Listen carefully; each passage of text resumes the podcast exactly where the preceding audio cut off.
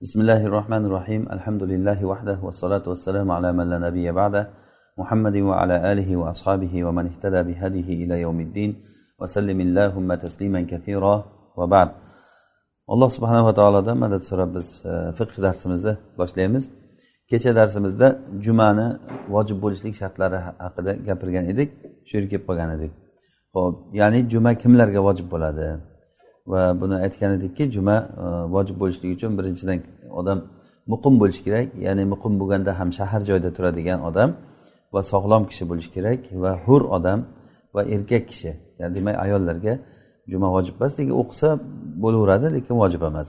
Va balog'atga yetgan bo'lishligi va ko'z va oyoqlari sog'lom bo'lishligi degan edik. Agarda shu uzri bor odamlar agar uzri bo'lsa ham kelib juma o'qisa jumasi juma bo'laveradi degan edik allohu alam.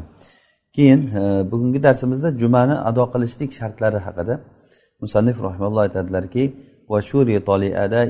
al misru finauhu. Musannif rahimalloh aytadilarki jumani ado qilishlik uchun misr ya'ni shahar bo'lishligi shart qilindi. Shahar bo'lishligi shart qilindi yoki bo'lmasa shaharni atrofi. Ya'ni shaharni atrofi shaharga tutashgan shaharni manfaatlari uchun qilingan joy e, bo'lishligi e, shart qilindi. E, ya'ni undan tashqari joyda jumani ado qilsa masalan shahardan juda chekkaga chiqib ketib namoz o'qilinsa shahar finosi shahar nimasi emas unda juma juma bo'lmaydi degani bu. Masjidlarini kattarog'i o'zini ahlini sig'dirolmaydigan joy misr deyiladi. Ya'ni shahar deyiladi. Shahar deb nima aytiladi deyapti. Ya'ni o'sha shaharda masalan eng katta masjid qaysi? O'sha masjidga shu shahar ahli hammasi yig'ilsa sig'adimi sig'maydimi desa sig'maydi degan darajada bo'lsa demak bu misr bo'ladi ya'ni shahar bo'ladi. Shaharni ta'rifida ulamolar har xil aytishgan ya'ni ba'zi ulamolar aytganki o'zini alohida hokimi bo'lsa o'zini alohida olimlari bo'lsa odamlar fatvo so'raydigan olimlari bo'lsa bu e, shahar deyiladi. Allohu alam bu shahar deganligi nimasi? Urfdan kelib chiqib qaysi joy shahar bo'ladi qaysi joy shahar bo'lmaydi aytishlik mumkin bo'ladi. Va shaharni manfaatlari uchun tayyorlab qo'yilib shaharga tutash bo'lgan joylar uni finosi shaharni finosi deyiladi ya'ni atrofi shahar atrofi deyiladi. Bunda ham shahar atrofida ham juma o'qisa bo'ladi. Va yana bir shartlardan biri va sultonu sulton bo'lishligi shart. Ya'ni sulton yoki bo'lmasa sulton o'zi bo'lmasa noibi e, bo'lishligi shart. Va vaqtu zuhri va peshinni vaqti. E, ya'ni juma uchun bo'lgan vaqt aynan peshin uchun bo'lgan vaqt bo'ladi. E, Val xutbatu nahva tasbihatin fil vaqt. Va yana shartlardan biri xutba. Jumada o'qilinadigan xutba ham ya'ni xutba qancha? Bir tasbeh miqdorichalik xutba aytishlik. Fil vaqt vaqtida ya'ni vaqt degani shu vaqtda.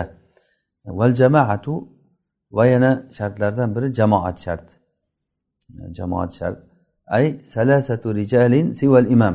Jamoat deganda imomdan tashqari uchta odam deyapti.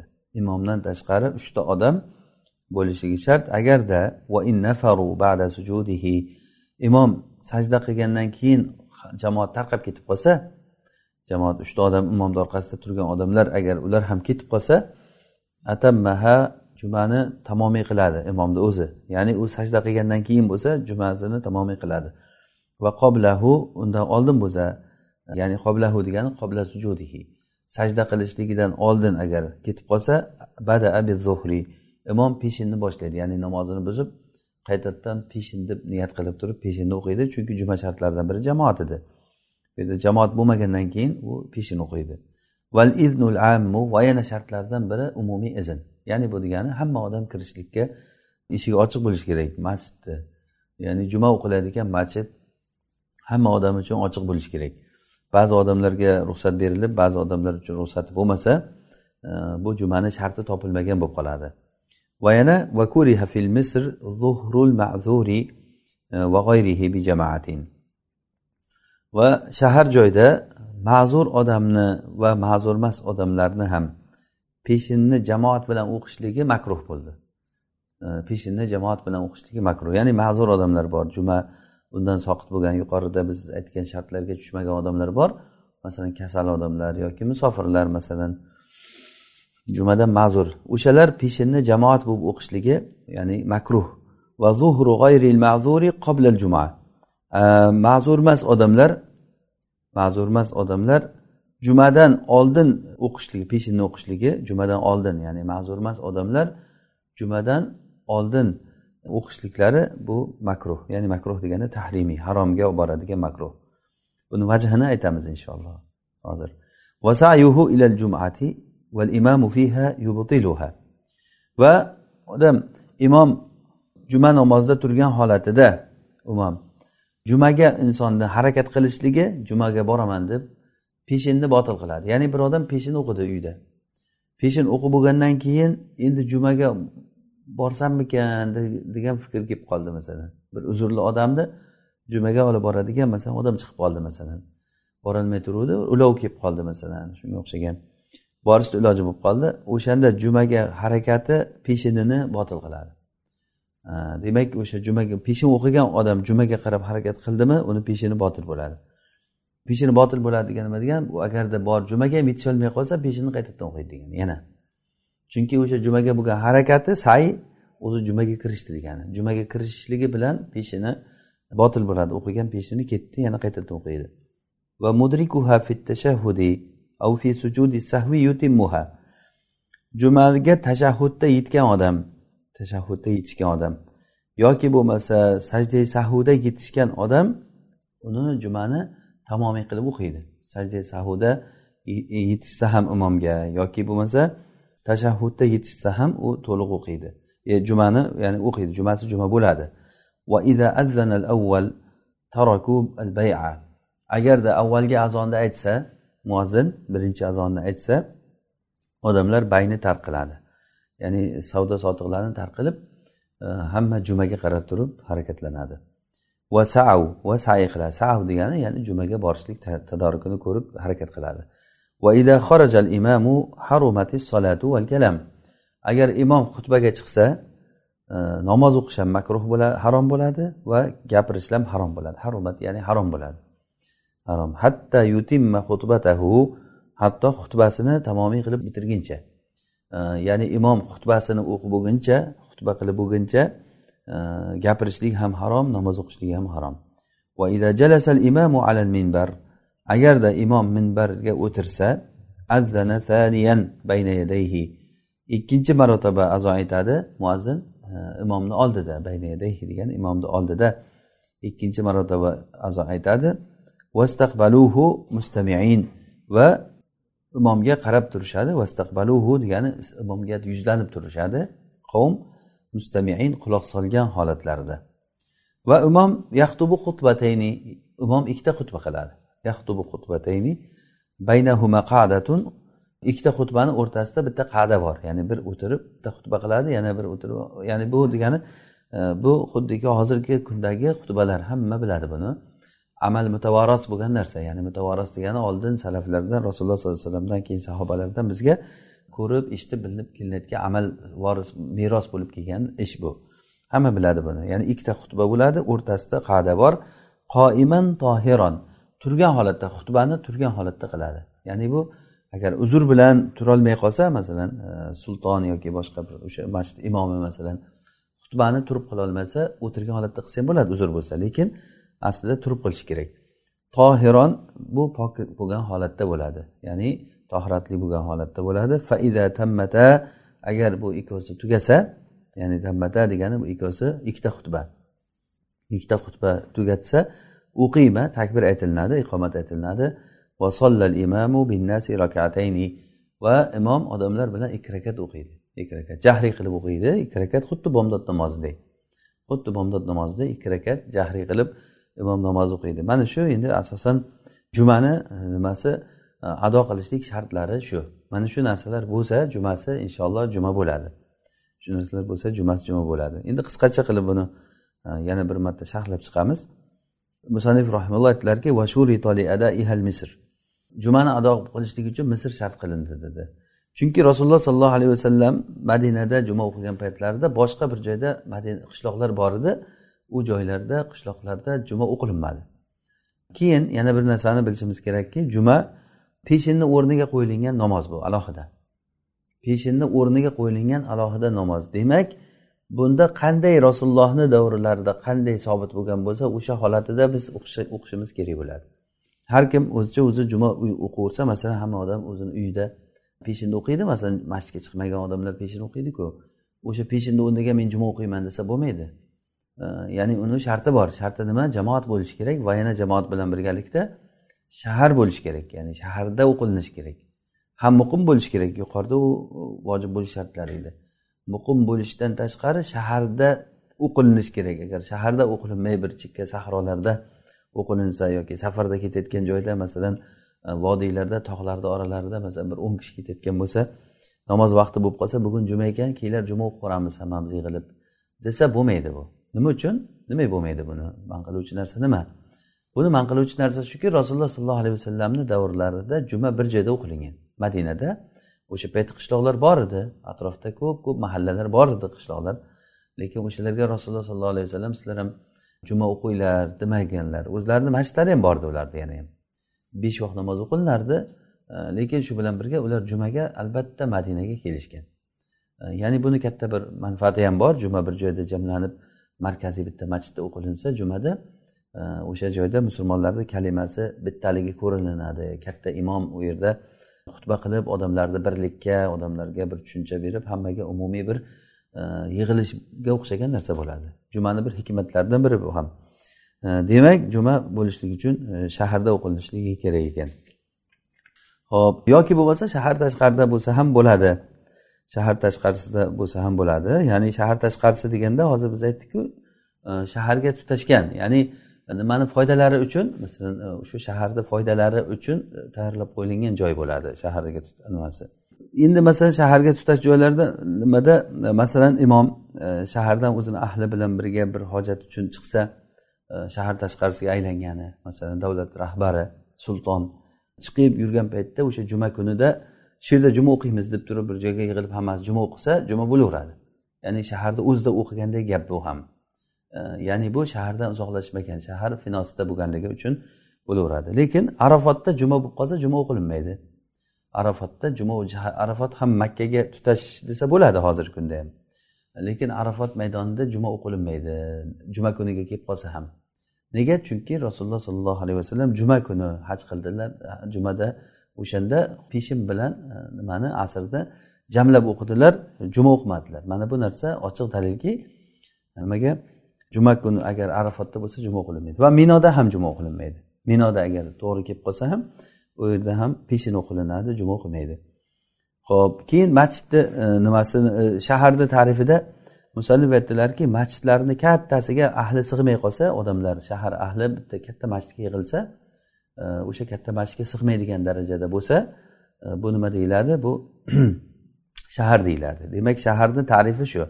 Shahar degani ya'ni hamma odamlari o'sha yerdagi katta bir e, nimaga yig'ilsa e, sig'maydi masjidga.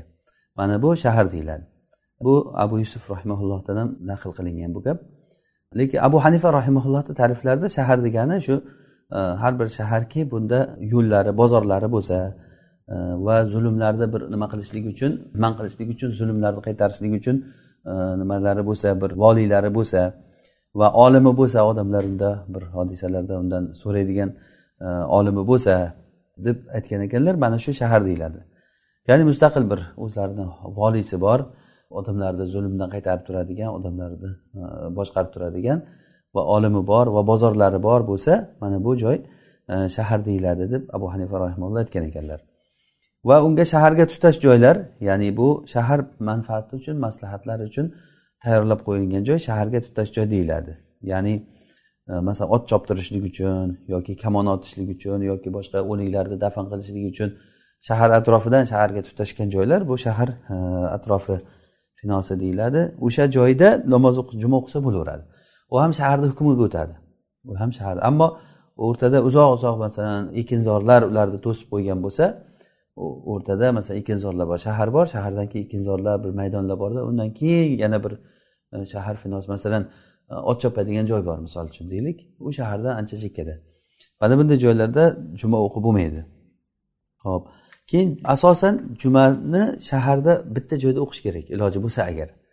Agar iloji bo'lmay qolsa unda keyin e, bir uzr bo'lsa ya'ni hozirgi kunda iloji yo'q. Masalan katta shaharlarda e, masalan toshkent shahrini olsak e, hamma odam bitta masjidga sig'adimi masalan? Hamma odam bitta u iloji ham yo'q mutaazzir narsa. Odamlarni bir joyga yig'ib bo'lmaydi uni. Demak uni boshqa boshqa masjidlarda o'qilishlikka ruxsat bo'ladi o'shanda. Va yana shartlardan biri sulton. Sulton sulton degani u uni tepasida undan katta bir rahbar yo'q bo'lgan kishini sulton deyiladi. Ya'ni eng katta e, odamlarni eng katta rahbari e, bu sulton deyiladi. E, jumani sulton o'qib berishi kerak o'zi aslida.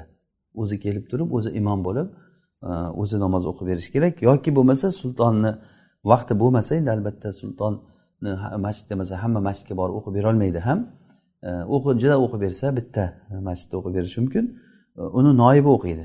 Ya'ni sultonni noibi ya'ni noibi degani sulton tarafidan tayinlab qo'yilgan imom. Hozirgi kunda masjidda imom ravotib imomlari imom rotiblari ya'ni besh vaqt namoz uchun imom. Ya'ni maxsus qo'yilgan masjid imomlari mana shu sultonni tarafidan qo'yilgan odamlar deyiladi. Nima uchun bu yerda sulton shart chunki bu sulton shartligi yoki sulton bo'lmasa u sultonni tarafidan qo'yilgan odam o'qib berish kerak degan narsalarimiz e, bu juma islom shoirlaridan shoir ya'ni islomni shoiri ko'pchilik bilan qilinadigan narsa. Va yana ko'pchilik bilan qilingandan keyin bu yerda odamlarda har xil toifa odam bo'lgandan keyin fitna bo'ladi. Bir odamlar toifasi boshqa bir odamlarga iqtido qilmaydi. Unisi u deydi bunisi bu deydi.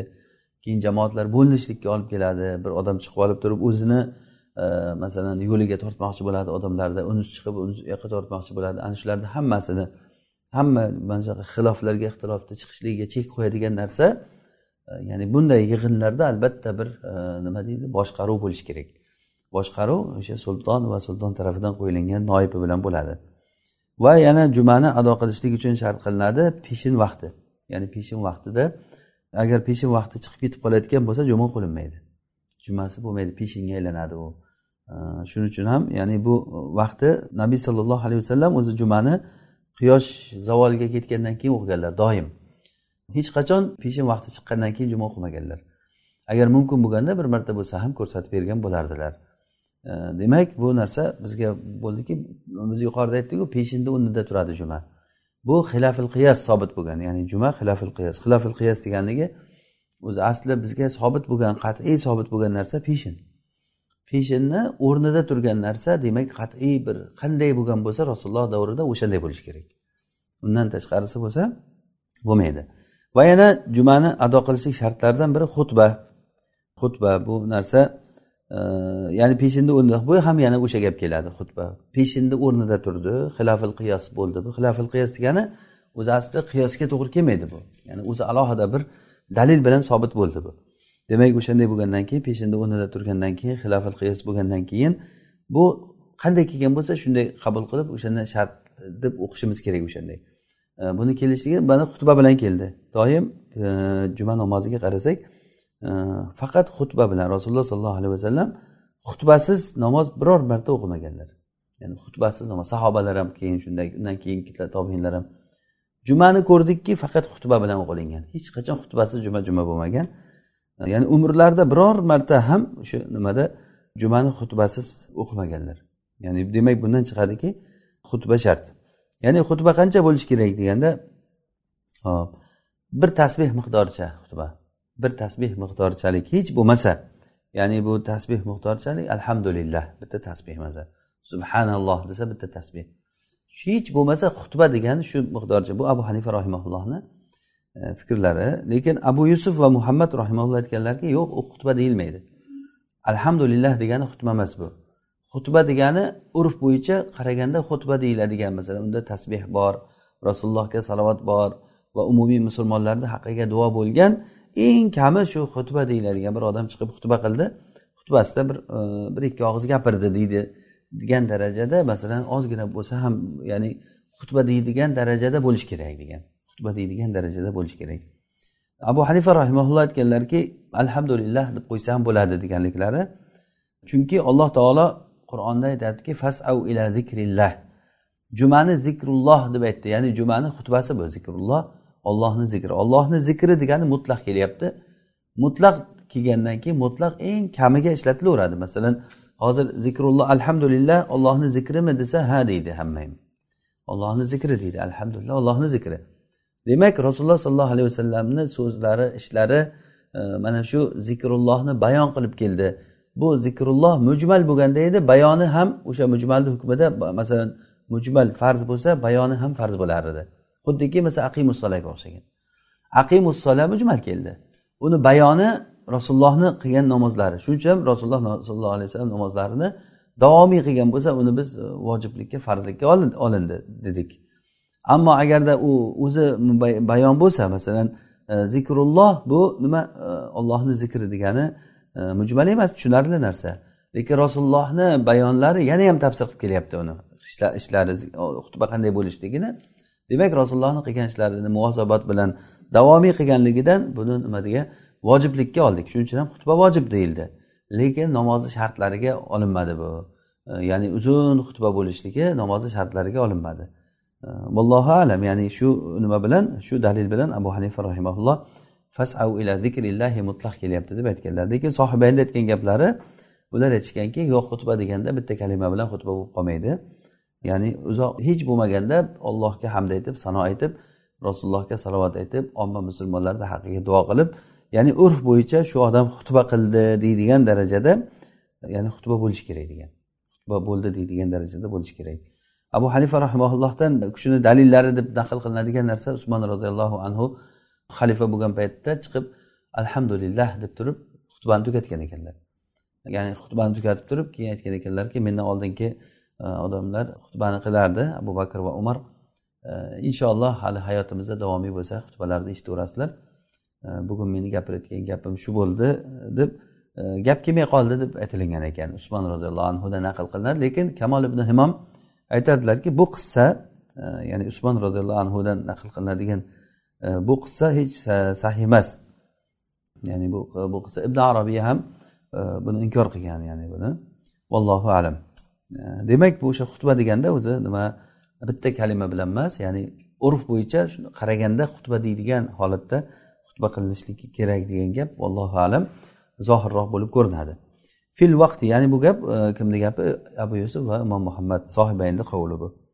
Fil vaqt ya'ni vaqtda qilinadi dedik. E, ya'ni xutbada vaqtida xutba qilinishlik kerak. Vaqtida. Fil vaqt degani xutba vaqtida bo'lishi kerak. Vaqt degani peshin jumani vaqtida. Jumani vaqti qachon? Zavoldan keyin. Yo peshin vaqti chiqquncha. Endi zavoldan oldin xutba qilib qo'ysa bu xutbaga o'tmaydi. Xutba e, zavoldan oldin bo'lishi kerak. Bu ham yana keladiki rasululloh sollallohu alayhi vasallam doim nima xutbani azondan keyin qilardilar? Ma'lumki ittifoqki azon vaqt kirgandan keyin aytilingan azon jumani azoni vaqt keyin kirgandan keyin aytilingan buxoriy rahimaulloh soib ibn yazid roziyallohu anhudan rivoyat qilganda hadisda aytadilarki kanal azanu ala ahli rasululloh sallallohu alayhi vasallam va abi va umar roziyallohu anhuma hina yajlisul imam. U kishi aytadilarki rasulullohni davrlarida va abu bakr va umarni davrlarida azon imom xutbaga o'tirgan paytda bo'lardi. Imom chiqib minbarga o'tiradi keyin azonni aytadi muazzin. Demak o'sha muazzinni azoni nima degani bu? Juma juma vaqti kirdi degani. Ya'ni muttafaq bu. Juma vaqti kirmay azon aytmaydi.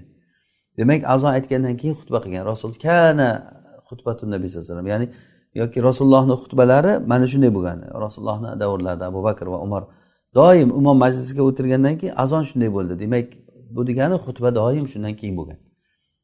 Mana shu narsa o'z o'zidan bilinadiki xutba e, vaqtida bo'lishlik kerak deganligi shart chiqadi. Va jamoat shart bo'ldi. Ya'ni jumani nimasi adosi uchun jamoat shart. Yolg'iz o'qilingan juma juma bo'lmaydi. Chunki rasulullohni jumalari jamoatsiz bo'lmagan. Va yana jumani o'zi e, nimasi ham jamoatdan chiqqan o'zi. Ismi ham e, jamoat ma'nosini ifoda qiladi. Aslida jamoat ma'nosidan kelib chiqqan juma. Ya'ni odamlar jamlanishligi kerak. Ya'ni bu degani qancha jamoat bo'lishi kerak? Eng kami ay rijalin sival imam. Imomdan tashqari uchta odam bo'lishi kerak. Ya'ni bu jamoatda eng kami shu. Jamoatdan tashqari uchta odam bo'lishi kerak. Bu abu hanifa va imom muhammadda. Abu yusufda bo'lsa imom bilan birga uchta bo'lsa bo'ladi. Ya'ni imomdan tashqari ikkita odam bo'lsa bo'ladi deganlar. Ya'ni eng kam jamoat qaysiga ishlatiladi deganda yani aniqrog'i abu hanifa rahimalloh aytgan gaplari. Ya'ni imom imomdan tashqari uchta odam bo'lishi kerak. U odamlar ham qanaqa? Juma vojib bo'ladigan odamlar bo'lishi kerak. U uchta odam juma vojib bo'ladigan odamlar masalan uchta xotin bo'lsa bo'lmaydi uchta yosh bola bo'lsa bo'lmaydi yoki bitta katta odam ikkita xotin bir o'nta yosh bolacha bor. U bilan juma bo'lmaydi. Ya'ni eng kami imomdan tashqari imomdan tashqari uchta juma vojib bo'ladigan katta odamlar bo'lishligi kerak. Agarda imom sajda qilgandan keyin haligi jamoat ham tarqab ketsa haligi o'zi zo'rg'a uch kishini yig'ib kelib masalan juma o'qiymiz deb o'qigan paytda ular ham ketib qolsa atammaha imomni o'zi jumani tamomiy qiladi. Ya'ni jumani juma qilib o'qiydi peshin bo'lmaydi uniki. Ya'ni oxirigacha turishligi shart emas. Zufar rahimaulloh aytganlarki yo'q shart bo'lgan narsa oxirigacha shartda davom etadi oxirigacha bo'lishi kerak deb aytganlar. Imom zufarni fikrlari bu. Allohu alam. Lekin fatvoda aytyaptilarki agarda tarqab ketsa buni jumasi juma bo'ladi. Qachon? Sajdadan keyin bo'lsa. Imom sajda qildi bir rakat o'qidida endi. Agar sajdadan oldin bo'lsa qobla sajda bo'lsa bada zohir unda peshinni boshlaydi. Ya'ni bu degani jumasini buzib peshinni boshlaydi. Agar namozga kirishmagan bo'lsa unda ittifoq ya'ni namozga kirishmagan bo'lsa jamoat ketib qolsa unda juma deb umuman boshlanmaydi. Bir o'zi imomni bir o'zi juma deb boshlay olmaydi. Hop keyin yana shartlardan biri umumiy izn dedik. Bu umumiy izn ya'ni umumiy izn chunki juma bu shoirlardan shoir degani islomni dinni udumlaridan ya'ni tashqi ko'rinishdan shunday ko'rinib turadigan narsalardan bo'ladi bu. O'sha uchun ham bunga shart qilinadi. Izni am degani umumiy izn ya'ni xos odamlar o'qilinadigan bo'lishi kerak emas. Masalan bir zavod fabrikani atrofi devor bilan o'ralingan ichida juma o'qilinadi. Uni ichiga boshqa odam kirolmaydi. O'sha ichidagi odamlar e, juma o'qisa masalan agarda tashqaridagi odam kiraman desa kirolmaydigan darajada bo'lsa bo'lmaydi. Ya'ni bu ya'ni ochiq bo'lishi kerak. Ochiq bo'lishi kerak. O'sha ya'ni hamma odam kirib o'qiyman deydigan e, bo'lishi kerak. Shuning uchun ham e, masalan hozirgi kunlarda ma'lum bir toifalarni o'qiydigan joyiga aylanib kart bilan kirib chiqadigan bo'lsa masalan boshqa odam begona kirolmaydigan bo'lib ichkarida juma o'qisa bu o'sha sharti topilmaydi umumiy izn topilmaydi. Nega? Chunki bu islomni shoirlaridan buni ya'ni butun xalqlar ichida mashhur yo'lga ko'ra qilinishlik kerak bo'lgan narsalardan bu xuddi azonga o'xshab mana azon baralla aytilinadi hammaga. Juma ham xuddi shunday. Ya'ni bu islom shoiri islomni shoirlari oshkor bo'lishlik kerak. Xuddiki e, e, masalan ko'zga ko'rinib turadigan narsalarda masalan mana e, arafotda turishlik islom shoiri ehromlar masalan musulmonlar hajga borganda va hokazo va kuriha fil misr. Endi shahar joyda ma'zur odamni peshin o'qishligi yoki ma'zur emas odamni g'oyrihi degani ma'zur emas odam. Masalan e, bir sabab bilan e, jumaga borolmay qolgan odam bir sabab bilan jumaga borolmay qolgan odam yoki sababsiz ham jumaga bormay qolgan odamni peshinni jamoat bilan o'qishligi makruh. Jamoat bilan chunki bu narsa peshinni jamoat bilan o'qishligi jamoatni kamaytirishga olib keladi. Buni sababi jamoatni kamaytirishlikka olib keladi. Mana bu narsa o'sha makruh. Makruh deganda makruhi tahrimiy ma'nosida. Bu hozir aytgan gapimiz ali roziyallohu anhudan naql qilingan. Ali roziyallohu anhuni gaplari. E, va shaharda bo'lsa shaharda ma'zurmas odam jumadan oldin ma'zurmas odam jumadan oldin e, jamoat bilan o'qishligi jumadan oldin bu, bu makruh tahrimiy. Ya'ni makruh deganimizda e, ma'zurmas odam ma'zurmas odam jumadan oldin peshin jamoat e, peshinda o'qishligi. Mana bu ham e, chunki bu o'sha nimadan jumadan yuz o'girishga olib keladida. Hali juma o'qilgani yo'q bu peshin o'qiyapti bu yerda. Bu nima degani men juma o'qimayman deganida bu. Jumaga bormayman degani. E, mana bu oldindan o'sha o'qib qo'yishligi makruhi tahrimiy bo'ladi. Allohu alam. Va jumaga harakatlanishligi endi e, ya'ni peshin o'qigan odam peshin o'qib bo'lgan bo'lsa masalan juma hali o'qilinmasdan turib o'zi peshin o'qib oldi uyda. Keyin bilib qoldiki juma o'qilyapti ekan masjidda. E masjid bor ekan juma o'qilyapti hali vaqtim bor ekan desa peshin o'qib bo'lganda o'zi bilmasdan. Yoki musofir odam safarda yurgan joyda peshinda o'qib olganida peshinda o'qib bitgandan keyin keyin juma juma bo'lib qoldi. Juma o'qisak yaxshi bo'lar ekan sharoit bor ekan deb jumaga qarab harakat qildi. Mana shu harakatini o'zi jumaga bo'lgan harakatini o'zi agar imom hali jumada bo'lib turgan bo'lsa imom juma bilan mashg'ul bo'lib turgan bo'lsa bu nimasini peshinini botil qiladi. Ya'ni bu abu hanifa rahimallohni roylari bu. Ya'ni abu hanifa rahimallohni ishtihodatlari aytdilarki agarda peshin o'qigan odam juma hali imom juma bilan mashg'ul bo'lib turgan holatida masjidga qarab yurishligi o'zi harakati sayi harakatni boshlashligi nima qiladi? Jumasini botil qiladi. Demak imom jumada bo'lib turishligi bilan degan gapi agarda u masalan namozgohdan tashqarida bo'lsa ya'ni e, o'sha imom nimani namozni bitishligi bilan birga bunda peshini buzilmaydi. Ya'ni agarda bu hali namoz o'quvchi odam o'sha imom namozdan chiqishligi bilan bo'layotgan bo'lsa imom unda turibdi degani e, agarda imomni chiqishligi namoz o'quvchini chiqishligi imomni bitishligi namozni bitishligi bilan birga bo'lsa ya'ni jumani namozini bitirib bo'lgandan keyin uydan chiqyapti bu odam namoz o'quvchi odam. Imom namozni bitirdi jumani bu uydan endi chiqdi. Mana shunday bo'lsa uni peshini buzilmaydi. Peshini qachon buziladi? Bu chiqqan paytda imom namozda bo'lishi kerak. Mana shu paytida uni peshini buziladi.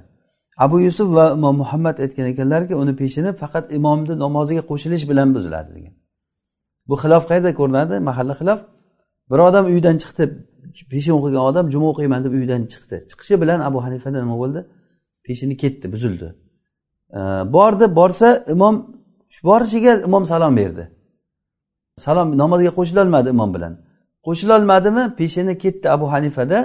Abu yusuf bilan muhammadda yo'q hali ketgan yo'q. Qachon ketardi? Ularda sohibaynda bu imomga qo'shilsa keyin ketadi peshini. Chunki peshindan yuz o'girish bo'ldida bu. O'qigan peshini ketdi jumaga o'qilishi chunki juma peshinda o'rniga bo'lgan narsa. Abu hanifa rahimaulloh sayni aytganligi chunki say qilishlik jumani boshlanishi o'zi sayi bilan boshlanadi. Alloh taolo aytdiki agar juma kunida azon aytilinsa allohni zikriga sahiy qilinglar sahiy qilishlik jumani e, birinchi nimalaridan harakatlaridan. Allohu alam ya'ni bu ishtihodiy bir e, ixtilof. Va mudrikuha jumaga yetgan odam tashahhudda yetgan odam jumaga bordi imom tashahhudni aytyapti. O'sha tashahhud paytida yetib borsa yoki bo'lmasa imom sajdai sahu qilgan paytida yetib bordi bu. Chunki sajdai sahu qilishligi imom sajdai sahu qilgandan sajdai sahudan oldingi salovatlar oldingi attahiyatni o'qiganliklarini sajdai sahu ko'tarib yuboradi ya'ni o'qiganligi hisobga o'tmaydida sajdai sahudan keyin yana o'qish kerak imom. Demak sajdai sahu paytida yetib bordi degani bo'ldi jumani oxiriga yetib bordi degani bu odam nima qiladi? Yutimmuha jumani tamomiy qiladi. Ya'ni bu yetishgan hisoblanadi. Yetishgan hisoblanadi. Vallohu alam. Imom muhammad e, rohimaulloh aytgan ekanlar ya'ni imom muhammad rahimalloh yo'q bu jumani bir rakatiga yetishi kerak. O'shanda jumaga yetgan bo'ladi degan. Jumani bir rakatiga yetishsa keyin yetishgan bo'ladi deganlar. E, Abu hanifa rahimaullohni nimalari dalillari? Abu hurayradan kelgan gap kimki agarda man adraka rukua min rakati al-akhirati yawm al-jum'a falyudif ilayha ukhra. Va man lam yudrik rukua min rakati al-akhira falyusalli zuhra arba'an. Bu nimani? Imom muhammadni dalillari. Abu hurayra aytgan ekanlarki kim agarda jumani ikkinchi rakatidan bir rakatiga yetishib qolsa unga yana bir rakat qo'shib qo'ysin yana jumasi juma bo'ladi. Kim agarda rukudan bir rakatiga yetishilmay qolsa ikkinchi nimasini ikkinchi rakatni rukusiga yetisholmay qolsa bu peshinni to'rt rakat qilib peshin o'qisin degan ekanlar. Abu hanifa va abu yusufni dalillari ikkalasini dalillari abu hurayrani yana hadislari rasululloh sollallohu alayhi vasallamdan rivoyat qilib aytadilar. Rasululloh aytdilar agar namozga takbir aytilinsa sizlar potir putir qilib yugurib kelmanglar namozga. Vatuha va alaykumus sakina. Unga kelinglar sizlar xotirjam kelinglar. Fama adraktum fasollu va ma fatakum faatimmu yetishgan narsalaringda imom bilan birga qo'shilib o'qinglar. Sizlardan o'tib ketgan narsani keyin tamomiy qilib o'qib olasizlar. Demak mana shunda o'sha yetishgan imom salom berguncha qo'shilsa u namozga yetishgan bo'ladi. Ya'ni mana shu hadisni zohirdan chiqadiki sahih mana hadis. Imom salom berguncha ya'ni attahiyotda borib qo'shilsa demak namozga qo'shilgan bo'ladi. Agarda birinchi azon aytilinsa birinchi azon deganimiz hozir e, o'zi asli rasululloh sollallohu alayhi vasallam davrlarida azon bitta bo'lgan. Rasululloh minbarga chiqqanlaridan keyin azon aytilingan bu peshinda azoni va jumani azoni shu. Rasululloh minbarga chiqqanlaridan keyin xutbaga azon shu payt aytilingan e, bo'ldi. Keyin takbir aytilingan rasululloh xutbadan tushganlaridan keyin takbir aytilingan keyin usmon roziyallohu anhu davriga kelganda bu abu bakr va umarda ham xuddi shunday bo'lgan roziyallohu anhu keyin usmon roziyallohu anhuni davrlariga keyin odam ko'payib ketgan shahar kattarib ketgan. Odamlar e, azonni eshitmay qolgan. O'sha uchun bir bozor joy bo'lgan bozorda bir zavro degan bir tepa bir baland joy bo'lgan uy oti zavro o'sha balandlikda azon ayttirgan bitta azon. U azonni eshitgandan odamlar hammasi juma vaqti bo'libdi deb masjidga kelgan masjidga yig'ilgandan keyin keyin xutbaga imom chiqqanda keyin azon aytilingan. O'sha rasulullohni azoni o'sha paytda keyin yana aytilingan. Demak birinchi usmon roziyallohu anhu birinchi azon bu uchinchi azon deb deb ham aytiladi uchinchi azon degani sobit bo'lishlik nimasi bilan tarixi bilan aytilingani. Lekin tartib bo'yicha birinchi azon o'sha bozor joyida aytilingan hozirgidek ya'ni keyin bozor joyidagi azonni xalifalar bani umayya xalifalari u bozordagini yana masjidga olib kelib qo'ygan uni ham. Endi masjidda juma kuni ikkita azon aytiladigan bo'lib qoldi. Bittasi aytilinadi keyin e, imom xutbaga chiqqandan keyin yana bitta aytilinadi. E, ya'ni ikkita azon aytilayotgan bo'lib qoldi. Uchinchi azon bu nima? Takbir. Takbirda ham azon deydi. Demak hozir aytilyaptiki birinchi azon e, aytilinsa birinchi azon deganda mana shu birinchi azon deganda haligi balandlikdagi azon emas. Bu qaysi azon? Imom xutbaga chiqqandagi azon. E, o'zi asli bu tartib bo'yicha aytilingan bu sobit bo'lishlik jihatdan. Lekin bu yerdagi hozir birinchi azon degani u minora ustida o'sha usmon roziyallohu anhu davrida bo'lgan azonni birinchi azon deyapmiz. Lekin ba'zi xabarlarda keladi birinchi azon deb turib imom xutbaga chiqqan azon. Ikkinchisi takbir. Uchinchi azon deb turib o'sha balandlikda aytilingan azon deb uchinchi azon deb aytilingan uni. Tushunarlimi shu gap? Demak tartibda uchinchi deyilganligi sobit bo'lishligi jihatdan uchinchi keyin bo'lgan u degani lekin hozir lekin e, hozirgi kunda voqea bo'lish tartibi bilan qarasak birinchi azon usmon roziyallohu anhu davrlarida paydo qilingan e, nima bozor joyida aytilingan azon. O'sha azonda aytilyapti hozir yerda va ida avval agar o'sha avvalgi azonni aytsa tarakul bay'a bayni tark qiladi odamlar. Bayni tark qilib turib savdo sotiq bu bayga kiradi. Boshqa ishlari ham. Boshqa ishlari hammasi kasb hunar ishlari bo'lsin boshqa bo'lsin nima ishi bo'lsa azonni eshitgandan keyin hamma odam masjidga qarab harakatlanadi. Oyatda alloh taolo aytgan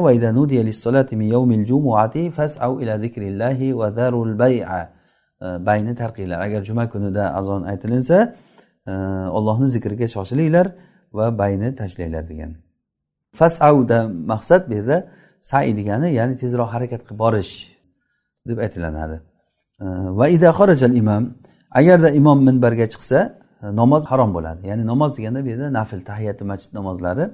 Imom xutbada paytida imom xutbaga chiqqandan keyin namoz makruh bo'lgan vaqt aytgan paytimizda buni aytuvdik. Ya'ni imom xutbaga chiqqan paytda nafl bilan shug'ullanishlik harom. Chunki sahihaynda hadisda keladi. Agar imom xutba qilib turgan paytda yoningdagi kishiga lag'v qilayotgan odamga gapirib turgan odamga ansit desang jim o'tir desang lag'v qilgan bo'lasan sen degan. Hali u nahiy munkarni qilgan odam nahiy munkar farz bo'lgan. Farz bo'lgan ishni qilgan odam nima qilgan bo'ladi? E, lag'v qilgan bo'ladi. Endiku bu nafl bilan shug'ullanishlik bundan avlo mumkin emas bo'lishligi kerak bo'ladi. Ya'ni imom xutbaga chiqqan paytda vojibi nima? Jim o'tirib eshitib o'tirish kerak. Albatta bu katta bir xilofli masala xilofli masala bu. E, ya'ni xutba qilgan paytda tahiyati masjid o'qiladimi o'qilmaydimi deb. Lekin mana shu hadis bilan hadisda aytilyaptiki agarda sen do'stingga yoningdagi odamga jim tur desang lag'v qilgan bo'lasan. Demak bu e, imom muslim abu davud va ibn majah rivoyat qilgan hadis bu. Sahih hadis. O'shanda qarang aytilyaptiki jim tur desa lag'v qilgan bo'ladi. Endi nafl qilishlik avvalo mumkin bo'lmaydi. Val kalamu va kalam gapirish ham mumkin emas. Gapirish mumkin emas. Hatto xutbani imom bitirguncha tugatguncha. Ya'ni rasululloh sollallohu alayhi vasallam aytganlarki la tusallu val imamu yaxtub imom xutba qilib turgan paytda namoz o'qimanglar. Ya'ni buni e, abdul haq ali roziyallohu anhuni hovlidan rivoyat qilgan. Imom xutba qilib turganda namoz o'qimanglar deb. Xuddi shuni hofiz fathul boriyda shuni zikr qilgan ekanlar. Ya'ni ibn hajar rahimaulloh demak muhim shu namoz o'qilinmaydi e, gapirilmaydi imom xutbaga chiqqandan keyin. Agarda imom e, minbarga o'tirsa ikkinchi azonda aytadi muazzin. Bu ikkinchi azon rasulullohni davridagi birinchi azon bu. Rasulullohni davridagi birinchi azon shu. Bayna yadayhi imomni oldida aytadi buni. Imomni oldida mana shu azonni aytadi. Keyin xutbatayni imom xutba qiladi ikkita xutba qiladi. Baynahuma qada. Bu xutbalarni o'rtasida bitta o'tirish bor. Ya'ni e, o'rtasida bitta o'tirishlik bor. Qoiman turgan holatda qiladi. Chunki turgan holatda qilishligi bizga amal mutavoras bo'lgan narsa shu. Mutavoras degani meros bo'lib rasulullohdan sahobalardan bizga e, ko'chib meros bo'lib keladigan amal shuki imom xutbani turib qilishligi. Illa albatta bu uzr bilan bo'lsa o'tirib qilsa bo'lar. Lekin asosan e, umum umuman olganda turib qilishligi kerak. Ya'ni alloh taolo qur'onda vatarakuka qoima degan. Ya'ni bu aynan o'sha jumani xutbasini qilib turgan paytda bir tijorat keldi deganda odamlar tijoratga qaraymiz deb ketib qolganda rasululloh sollallohu alayhi vasallam turgan holatda qolganlar. Qoima shu oyatni ishorasidan xuddiki va antum akifuna fil masajid deganda bu e'tikoflar masjidda bo'ladi. Ya'ni fil masajid degan alloh taoloni e, so'zini ishorasidan demak e'tikof masjidda bo'ladi deganda bu ham xuddi shunday tarakkuka qoima degan e, so'zni ishorasidan xutba qiyom bilan bo'ladi turib bo'ladi degan. E, Nabiy sollallohu alayhi vasallam ikkita xutbani qilardilar o'rtasida o'tirardilar degan ibn umardan rivoyat keladi. Bir rivoyatda turgan holatda xutba qilardilar keyin o'tirardilarda keyin yana turardilar. E, va xuddi shunday xutba qilardilar. Muttafaqun alayhi buxoriy va muslim rivoyat qilgan hadis bu. Mana rasululloh sollallohu alayhi vasallam turib xutba qilardilar o'rtada bir o'tirardilar keyin yana turardilar. Nimaga o'tirib turadi? Buni nima uchun deb so'ralinmaydi. Nima uchun bu ya'ni xutba ikkita bo'ladi? Turib imom xutba qiladi keyin yana o'rtada o'tiradi yana turadi. Buni bilmaymiz. Bu ibodat bu. Ibodat bo'lgan narsalar ya'ni so'ralinmaydi. Nima uchun deb. Ma'nosi g'oyri ma'qul ya'ni. Tohiron ya'ni pok bo'lgan holatda qiladi. Chunki bu namozdan oldin bo'layotgan ish bu. Ya'ni bu xutbani kim qiladi? Namoz o'qiyotgan odam qiladi. Namoz o'qiyotgan odam xutba qilib turib torat qilgan chiqib ketmaymi toratim yo'q edi deb.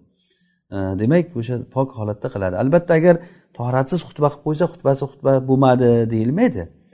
Lekin odatda o'zi bu pok holatda qiladi.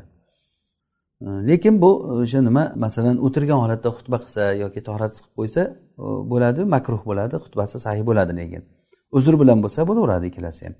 Fayda tammata agar ikkita xutba tamomiy bo'lsa bitsa uqima unda keyin iqomat aytiladi namozga takbir aytiladi e, va imom odamlar bilan ikki rakat namoz o'qiydi. Xuddi bomdodday mana shu narsa to rasululloh sollallohu alayhi vasallamni hayotlaridan ya'ni hozirgacha amal sobit bo'lib kelgan narsa shu. Juma namozi alhamdulillah ya'ni hammamiz bilamiz juma namozini tartiblarini o'qish nimalarini xuddi shunday ya'ni tartibda bo'lib kelgan. Kimki agar uchta jumani e, tahovunan tark qilsa qalbiga muhr uriladi degan. E, yoki boshqa hadisda rasululloh sollallohu alayhi vasallam aytganlarki bir qavmlar jumani tark qilishlikni yo tark qiladilar yo alloh taolo ularni qalblariga xatm bosadi. An tarkihimul jumuat aw layahtimannallohu ala qulubihim. E, bir odamlar jumalarni tark qilishliklarini yo to'xtatadilar yoki alloh taolo ularni qalbiga xatm urib qo'yadi. Billah bu juda xatarli gap bu qalbga muhr urilishligi sababi nima? Jumani uzrsiz tark qilishlik. Ya'ni ko'p odamlar ish bahona qiladi boshqa qiladi. Musulmon bo'lgan odamlar ya'ni juma o'qimaydi. Juma o'qilinadi shaharlarda hamma joyda sharoit bor juma bor o'qilinyapti lekin u odam jumaga bormaydi. Mana bu narsa juda xatarli narsa. Alloh taolo o'zi isloh qilsin. Ya'ni bu hadis sahih hadis rasululloh sollallohu alayhi vasallam aytyaptilarki qalbiga muhr uriladi. Odamni qalbiga muhr urilinsa u qalb keyin pandi nasihatni qabul qilmaydi yaxshilikni bilmay qoladi odam. Bu juda katta bir xatarli narsa. Mana bunga ogoh bo'lishligimiz kerak. Allohu alam. Ho'p keyin musanif rahimaulloh jumadan keyin ayit o'qishlik ayitlar haqida gapiradilar. O'zi asli ayit namozi degani bu idi fitr haqida hozir aytsak. Agar idi fitr namozi hijratni birinchi yilida bu mashruh bo'lgan. Ayd deyilganligi sababi o'zi arab tilida ada yaudu qaytish ma'nosidan kelib chiqadi. Qaytish. Chunki alloh taoloni bunda bir e, ehsonlari bandalariga qaytadi. O'shandan ayd deyilgan. E, buni aslisi abu davud va boshqa e, nima sunan sohiblari rivoyat qilgan anas roziyallohu anhudan rasululloh sollallohu alayhi vasallam madinaga keldilar va madina ahlini ularni o'yna unda o'ynaydigan bir ikki kun bayrami bor edi. Rasululloh aytdilarki bu qanaqa kun bular? Deganda ular aytishdiki biz bunda johiliyat paytidan beri o'ynab kulib shu kunlarni bayram qilamiz deganda rasululloh sollallohu alayhi vasallam aytdilarki sizlarga alloh taolo bundan ko'ra yaxshiroq ikki kunni ular sizlarga almashtirib berdi. Yovmul adha va yovmul fitr. Ya'ni yovmul adha idi qurbon va idi ramazon idi fitr. Mana shu ikkita demak musulmonlarni bayrami mana shu ikkita bayram. Mana shu ikkita bayram. Shunda bayram qilinadi. Birinchisi idi fitr keyin keyin nimada? Idi qurbon bilamiz hammamiz buni. Id namozi bu vojib bu vojib ya'ni bizda mazhabda bu vojib. Abu hanifa rahimaullohdan sunnat deb ham rivoyat kelgan ya'ni ba'zi rivoyatlarda sunnat deb ham kelgan lekin sahihi zohirrog'i ya'ni bu sunnati muakkada. Ya'ni sunnati muakkada degani buni qilishlik hidoyat bo'ladi uni tark qilishlik zalolat bo'ladi. Nima uchun? Rasululloh sollallohu alayhi vasallam hech qachon tark qilmasdan shuni qilib kelganlar. Rasululloh sollallohu alayhi vasallam hayotida biror marta eid o'qimay qo'ymaganlar. Eid sobit hijratni birinchisida eid namozi e, mashru bo'lgan bo'lsa hijratni birinchi yilida shu bilan e, ya'ni oxirigacha rasululloh hayotlarigacha o'qilingan. E, yana vojibga dalolat qilayotgan narsa alloh taoloni oyatida olloh sizlarni hidoyatlaganligi uchun allohga takbir aytinglar mana shuni tafsirida tukabbiruni solatul eid deb tafsir qilingan. Ya'ni olloh sizlarni hidoyatlaganligi uchun amallarga tavfiq berganligi uchun e, sizlar e, namoz o'qinglar degan. E, yana bu rasululloh sollallohu alayhi vasallam mana shu it namoziga e, muvozabat qilganliklari hech to'xtatmay biror marta qoldirmasdan qilib kelganliklari bu mutavotir xabarlar bilan bizga yetib kelgan. Vallohu alam. Demak id namozi o'zi e, vojib buni. Vojib deganligimiz sunnati muakkada ma'nosida. Sunnati muakkada yaqin. Ya'ni bu qilish hidoyat buni tark qilishlik nima? Zalolat. Yana bu ham ayit namozlari islom shoirlaridan islomni shoirlaridan ya'ni musulmon odamni bir qalbida xursandchilik bo'lib qalbida iymoni bor bo'lgan odam shu kuni bir xursand bo'lishi kerak o'z o'zidanki bu bizni bayramimiz bu. Alloh taolo bizga shuni bayram qilib berdi. Musanif rahmaulloh aytadilarki nudiba yavmal fitri an yakula va yastaka. Fitr kunida mandub bo'ladi ovqat yeyishligi va musvak ishlatishligi. Ya'ni fitr kunida inson bir ozgina bir shirinlik ya'ni namozgohga borishlikdan oldin biror narsalar yeb olishligi mandub bo'ladi deyaptilar.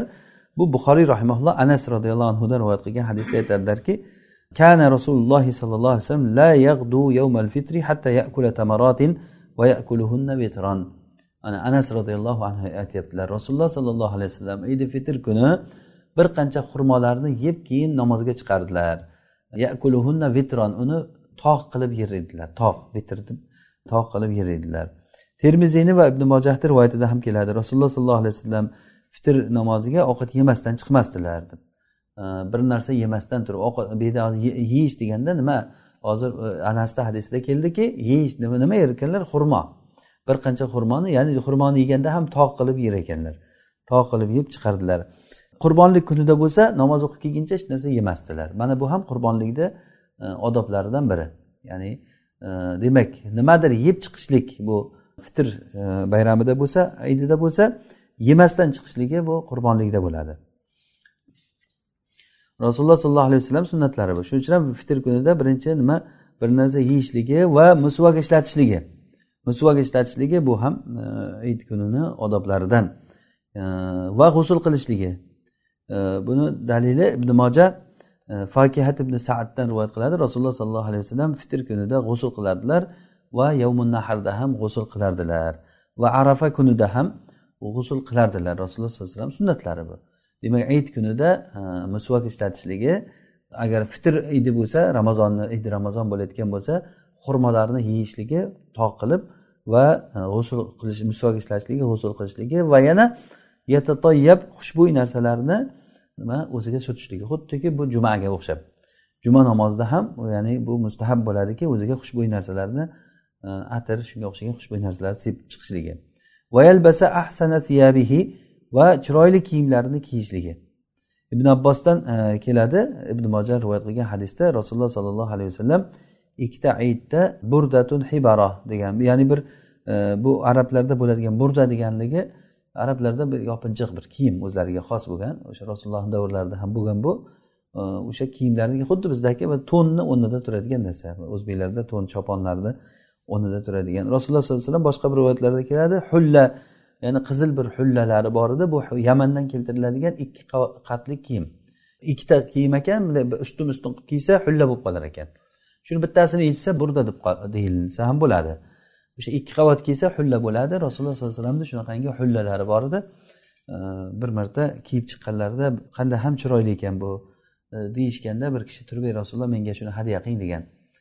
Rasululloh sollallohu alayhi vasallamni odatlari yo'q demas ekanlar bir narsani so'ralingan narsani. Shunga yechib bergan ekanlar o'zlariga boshqa kiyim olib keltirib uylaridan o'zlari kiyim buni yechib bergan ekanlar. Sollallohu alayhi vasallam. Va yana yuaddi fitratahu fitr sadaqasini beradi. Ya'ni fitr sadaqasi hali namozga chiqishlikdan oldin. Hozir tartib bilan kelyaptida bu. Sahihaynda ibn umarda hadisdan keladi. Nabiy sollallohu alayhi vasallam fitr sadaqasini namozga chiqishdan oldin ado qilinishlikka buyurdilar deganlar. Ya'ni odamlar namozga chiqishligidan oldin fitr sadaqasini berishlikka. Fitr sadaqasi qachonki fitr sadaqasiga o'tadi namozdan oldin berilsa. Agar namozdan keyin berilsa bu oddiy sadaqalardan bir sadaqa bo'lib qoladi. Fitr sadaqasini ajriga yetisholmay qoladi. Demak bu o'sha namozdan oldin berilishlik kerak. Ibn umar roziyallohu anhuni gaplari kelgan. Rasululloh sollallohu alayhi vasallam fitr zakotiga bizni buyurdi. Odamlar namozga chiqishligidan oldin. U kishini o'zlari e, bir kun yo ikki kun oldin berardilar degan. Bu abu davud rivoyatida kelgan. Ibn umar zakot fitr sadaqasini e, bir kun ikki kun oldin bergan. Ya'ni sahobalarda bu narsa mashhur bo'lgan. E, ya'ni bu yaxshilikka shoshilish bobidan ham bo'ladi. Ya'ni fitr sadaqasini oldinroqdan berib qo'yishligi bir kun ikki kun. Ham yana olgan odamlarga ham o'sha kuni yaxshi bo'ladi. Ya'ni bayramdan oldinroq qo'liga tegib borsa o'sha bayramga tayyorgarlik qilishligi uchun ham e, ya'ni uyda noni yo'q odamlarga bir yegulik yo'q odamlarga bir xursandchilik bo'lib bayramga chiqadi u ham. Shuning uchun o'sha bir kun ikki kun oldin berib qo'yishligi ham yaxshi. Rasululloh sollallohu alayhi vasallam hadisda aytadilarki anil masala. Kambag'allarni so'rab yurishdan behojat qilib qo'yinglar degan. Ya'ni hamma hamma bilan kambag'al odam odamlardan narsa so'rab yurish bilan bo'lsa bu bayrami bayram bo'lmaydi buni. Ya'ni bayramni bir e, ruhiyati ham yo'qoladi. O'sha uchun ham oldinroqdan berib qo'yilinsa yaxshi bo'ladi. Summa yaxruj keyin namozga chiqadi. Ya'ni namozgohga chiqadi. O'zi aslida yaxruju ilal musolla deyilyapti namozgohga. Musolla bu bu yerda hozir musolladan maqsad e, masjid emas bu. Musolla bu o'zi aslida eidlar o'qilinadigan alohida maydonlar bo'lgan. Masalan Э, katta katta maydonlarda shaharni ichida bo'lsin tashqariroqda bo'lsin katta maydonda. Chunki unga hamma chiqqan erkaku ayol hatto hayz ayollar ham chiqadi unga. Lekin namozga qo'shilmasa ham chekkada musulmonlarni yaxshiligiga va duosiga sherik bo'lib o'sha yerda bir barakadan e, olishlik uchun o'sha yerda turadi ular ham. Shuning uchun namozgohda o'qishlik bu sunnat bo'ladi. Namozgohga yurib chiqadi piyoda yurib chiqishligi bu. Ya'ni yurib chiqishligida ajr katta. Ali roziyallohu anhu kufaga kelgan paytlarida o'zini atrofidagi odamlarni yig'ib namozga yurib chiqdilar. Yani bu ham rasululloh sollallohu alayhi vasallam sunnatlari shuki rasululloh doim o'sha namozga yurib borardilar. Ho'p keyin ayit e, namozida nimani takbirni jahriy qilmaydi? Takbirni jahriy qilmaydi e, nimasi fitr aydi fitrda aydil adhoda takbirlarni jahriy qiladi. Buni dalillari inshaalloh kelasi darsimizda e, nima uchun buni farqi buni aytamiz inshaalloh abu hanifa rahimallohni mazhablari. aytganlarki aydi fitrda takbirlarni ichida aytadi aydil adhoda tashqida aytadi allohu alam alloh subhanava taolo darslarimizni davomli qilsin va barakotli qilsin alloh taolo hammamizni dinda faqih tushunchali kishilardan va bilganlariga amal qiladigan kishilardan qilsin هذا ما أعلم ربنا تعالى أعلى وأعلم سبحانك اللهم وبحمدك نشهد أن لا إله إلا أنت نستغفرك ونتوب إليك صلى اللهم وبارك على عبدك ونبيك محمد عليه الصلاة والسلام والسلام عليكم ورحمة الله وبركاته.